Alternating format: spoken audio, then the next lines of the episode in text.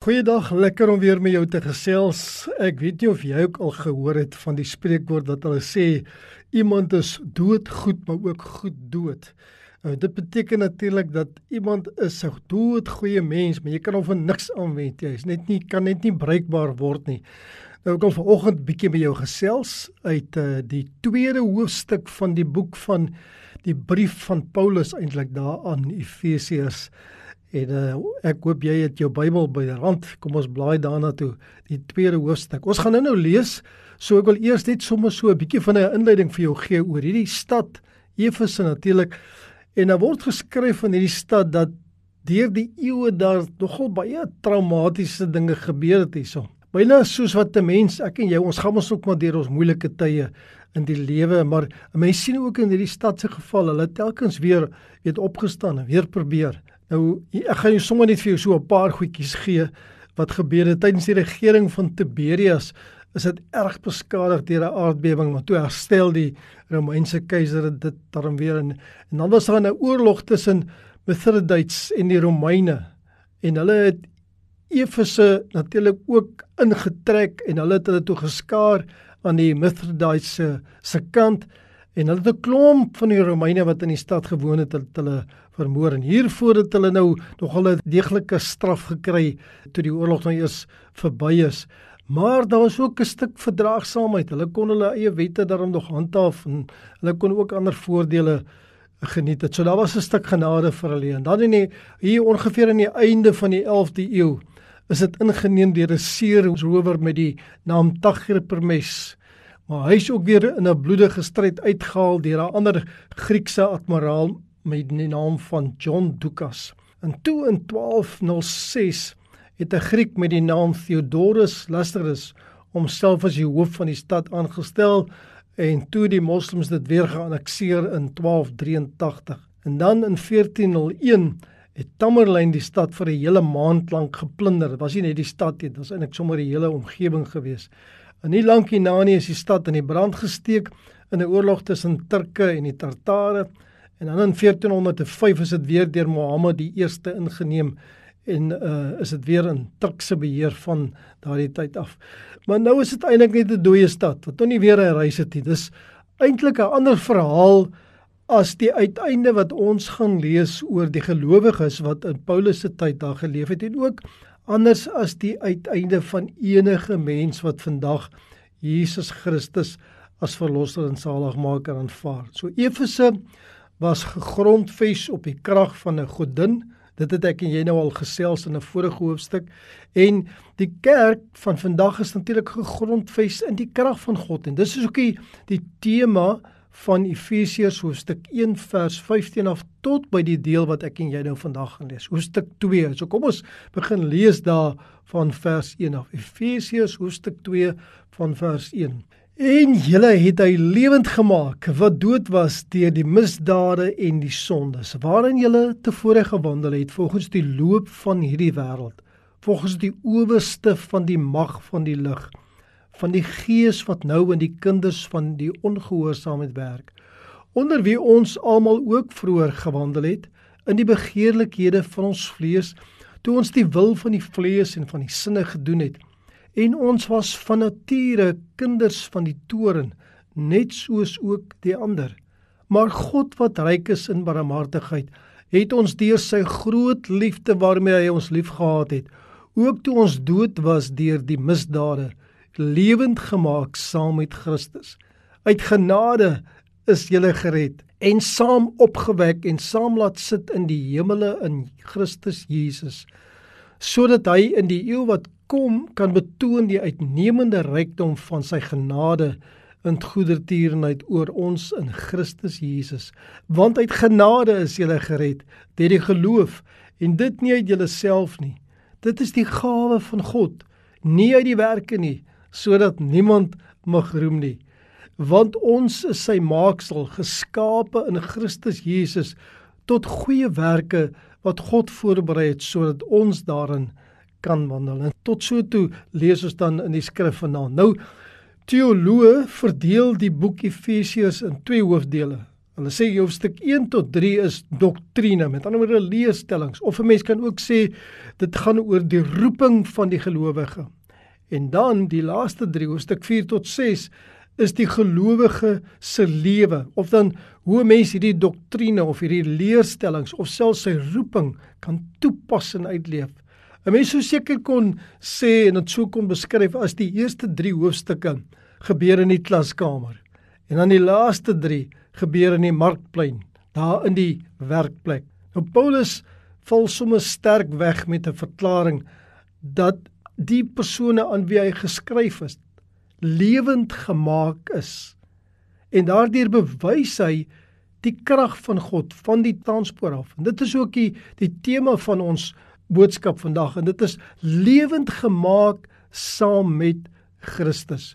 So ek en jy is deel daarvan, deel van hierdie aanspraak wat Paulus van die begin af eintlik vir hulle maak. Hy het hierdie begrip ook aan in Romeine 6 vers 4 tot 11 beskryf toe hy verduidelik het wat die betekenis van die doop is. Met ander woorde as 'n begrafnis van die ou mens en van die sonde, maar hy ook die opstanding tot 'n nuwe mens en 'n ewige lewe. Om lewend gemaak te word beteken outomaties dat hy eers dood was. In hierdie geval was sonde die oorsaak van hierdie dood en daarom skryf hy ook wat dood was deur die misdade en die sondes. Want Paulus skryf dit duidelik in die verlede tyd. Met ander woorde, wat dood was, dit beteken daar's 'n nuwe omstandigheid. Die verlede is daar, maar daar's nou 'n omstandigheid van die teenwoordige tyd en 'n omstandigheid van die van die toekoms. En ek en jy moet oplet hierna dat ons dit begryp en dat ons dit leef. Ek jy moet nie so maklik teruggaan dat die sondige praktyke waarin ons was nie. Ons moet glo dat ons nou lewend gemaak is en dat ons nie meer vatbaar is vir daardie dood wees in die sonde nie. Ons moet glo dat ons in die verlede geestelik dood was as gevolg van sonde, maar dat ons nou geestelik lewe as gevolg van God se lewendmakende krag. Sien 'n lijk is onsensitief vir die dinge wat rondom dit gebeur. Maar 'n lewende persoon neem waar, jy beoordeel, jy oordink, jy neem besluite, jy voer die besluite uit. In die verlede was hierdie uitvoering voortgedryf deur sonde, maar nou is dit aangevuur tot 'n nuwe lewe in Christus. En daarom kan ons en en moet ons die duiwel weerstaan want ek en jy weet dat die oomblik as ons Christus aangeneem het, dan kom hy met 'n nuwe velle aanslag eintlik om ons terug uit die hand van God uit te ruk na die sonde toe. In vers 2 gee vir ons 'n verdere verduideliking van daardie verlede waarin die dood was en dit sê waarin julle tevore gewandel het volgens die loop van hierdie wêreld volgens die owerste van die mag van die lig van die gees wat nou in die kinders van die ongehoorsaamheid werk. Nou hierdie wandel weet ons is eintlik ons aktiewe deelname aan die wedloop van die lewe. Maar as jy dieselfde wedloop waaraan die gelowige deelgeneem het nie. Daardie ou wedloop was gehardloop volgens die reëls van die wêreld of die reëls van die tyd waarin ons toegeleef het. Dit beteken dat ons in daardie tyd nie geleef het volgens die karakter waarmee die Skepper ons gemaak het nie, maar ons het aangepas by die vereistes van die wêreld. Ek wil amper sê ons het so tipiese verkleermannetjie wêreld gehad. Met ander woorde, As ek by hierdie groep is, dan maak ek soos hulle is. En as ek by hierdie groep is, dan maak ek weer soos hulle is en ek weet eintlik nie wie ek regtig is nie. Daardie mens is dus gehoorsaam aan die wêreld en ongehoorsaam aan sy Skepper.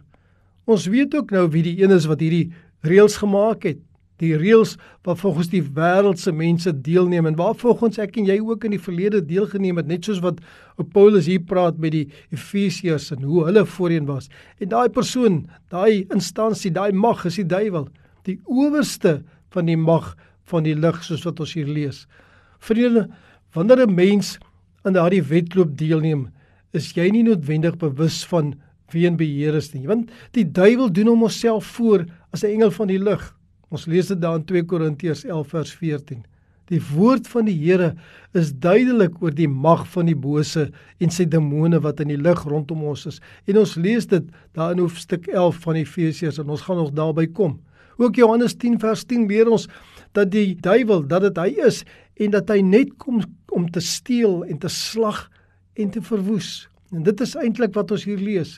Die duiwel en sy demone versoek mense, veroorsaak siektes soos wat ons gesien het in die tyd toe Jesus op die aarde geleef het. Hulle word voorgestel as dat hulle die mens uitlok en mislei om die verkeerde pad te loop en dis vandag nog so.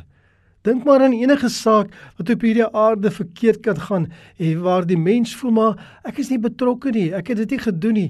Dinge, omstandighede, natuurverskynsels en sommer net persoonlike verliese wat jy al beleef het. Daardie dinge wat die mense ervaar en jy verstaan net nie hoe goed so verkeerd kon loop nie.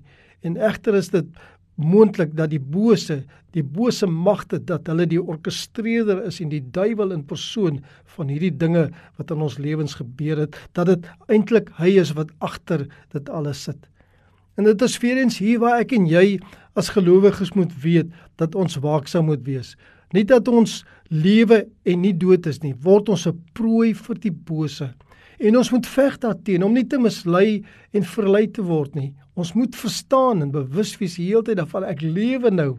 Ek is in Christus. Want terwyl ons bewus is van die bose en wat hy en sy handlangers doen, kom beklemtoon Paulus in vers 3 ons eie aandeel, ons verantwoordelikheid van die verlede. As hy sê onder wie ons almal ook vroeër gewandel het in die begeerlikhede van ons vlees toe ons die wil van die vlees en van die sinne gedoen het en ons was van nature kinders van die toren net soos ook die ander dit was die ongelowige die sondaar se eie begeertes wat aan die bose toestemming toegang autoriteit gegee het om mislei en verlei te word daai ou lewenstyl was ons natuur dit het nie onderskeid gemaak tussen arm of ryk of ras of taal of geslag of kultuur of watter ander onderskeiding daar eintlik nou maar tussen mense kan wees nie. Almal wat gebore is en dat geleef het, was onderworpe aan hierdie sondige natuur. Inherent in hierdie terugkyk na wie ons ook was toe ons nog sondaars was, is die waarskuwing om nie weer aan die duiwel autoriteit in ons lewens te gee nie, om te veg teen die sonde en teen die bose magte in die lig. Weet jy, ek is so dankbaar vir die woord maar wanneer dit in die Bybel gebruik word, want dit tref 'n onderskeid tussen wat voorheen was en wat kom. So hier in vers 4 staan daar ook weer maar God wat ryk is in barmhartigheid het ons deur sy groote liefde waarmee hy ons liefgehad het in teenstelling met die aakligheid van daardie ou dooie lewe in sonde is daar die ryke barmhartigheid van God ryk omdat dit onbegrens oorvloedig en oorvloeiend is. Hierdie barmhartigheid ruk ons uit daardie ou lewe en is so oorvloedig dat ons dit ook aan ander kan uitdeel. Ek en jy kan ook barmhartig wees teenoor mense. En die rede vir die Here se goeie barmhartigheid is sy allesomvattende liefde Daarom weet ons ook dat wat ons ontvang, hierdie redding niks te doen het met wat ons gedoen het of wat ek en jy kon aanbied nie. Wat kan 'n dooie mens 'n lijk in elk geval aanbied tot om weer lewend te kan word? En daarom gaan vers 5 ook voort met die woorde: ook toe ons dood was deur die misdade lewend gemaak saam met Christus uit genade is jy gered. Dis amper asof Paulus homself onderbreek hierso en hy hy sê eers wat hy sê en dan wil hy eintlik 'n vraag vra maar hoe hoe het dit gebeur? Wat is die rede? Dan kom hy met hierdie tussenwerpsel en sê uit genade is jy gered. Jy sien as dooie mense as lyke was nie ons ons nie in staat om enigiets te doen nie Net die Here kon weer lewe blaas in hierdie sonde belaaide lyke. Daarom is hierdie woorde so waar. Uit genade is jy gered. Uit genade is jy gered. Uit genade is ek gered. En ek wil jou eintlik uitdaag om daar waar jy luister, sommer net hardop te sê ek is gered uit genade. Bevestig dit weer vandag vir jouself. Hierdie redding het wonderlike gevolge. Ek wil hê jy moet nie vergeet waar Paulus nou stuk 1 begin het nie. Hy het gepraat van hemelse seënings. Luister nou wat word in vers 6 en 7 met hierdie woorde bedoel en saam opgewek en saam laat sit in die hemele in Christus Jesus sodat hy in die eeue wat kom kan betoon die uitnemende rykdom van sy genade en goedertierenheid oor ons in Christus Jesus. Hierdie nuwe verhouding tussen die gelowige en Christus is so intiem, so naby so vas dat Jesus se opstanding die gelowiges se opstanding verseker het. Ons deel in hierdie heerlikheid van Christus tot so mate dat ons saam met hom sit in hemelse plekke. Romeine 8 vers 17 stel dit dat ons saam met hom ly en saam met hom verheerlik word. Ek hoop jy verstaan dat ons so aan Christus verbind is dat dit onlosmaaklik is dat as hy loop dan loop ons saam. As hy sit dan sit ons saam. As hy draai dan draai ons saam. As hy staan dan staan ons saam. Ons volg in sy spore.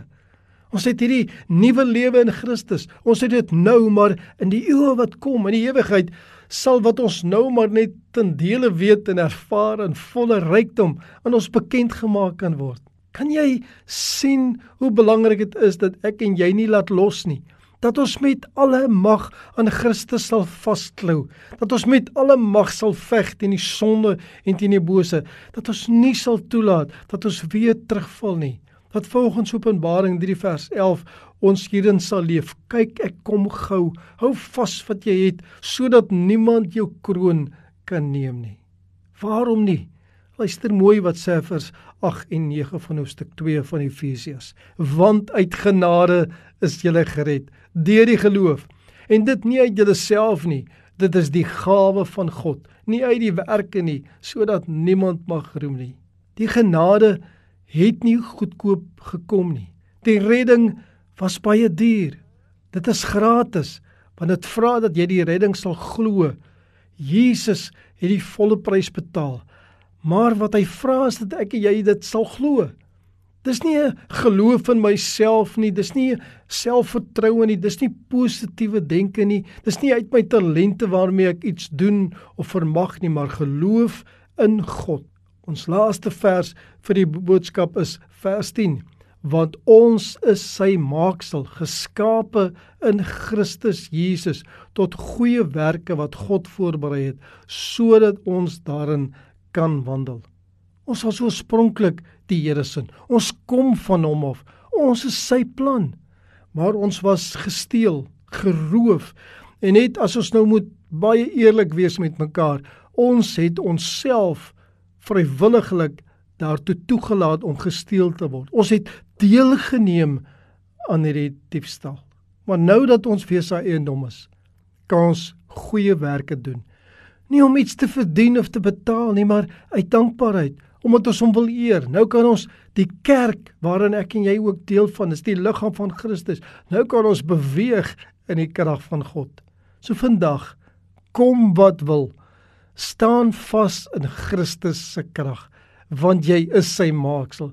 Doen goed ten spyte van die sleg rondom jou. Staan uit. Laat die wêreld weet aan wie jy behoort. Laat die wêreld weet dat jy lewend gemaak is saam met Christus. Is dit nie wonderlik om dit te weet nie? En ek en jy hoef nooit weer, ten spyte van hierdie liggaam wat gaan sterf, maar ek en jy hoef nooit weer 'n lijk te wees nie. Nooit weer hoef ons dood te wees in dit wie ons regtig is nie, want ons is die maaksel van die Skepper van die heelal wonderlike wonderlike bemoedigende woorde in die woord van God. Hemelse Vader, baie baie dankie dat in hierdie woord daar ook maar gebruik word. Maar God, dat ons kan weet daar's 'n skeiding tussen die die mens wat dood was en die mens wat lewend gemaak is in Christus. En ek bid Vader, vergewe ons as ons hande so maklik slap word en ons knieë lam dat ons so maklik moed verloor. Ons so maklik sê maar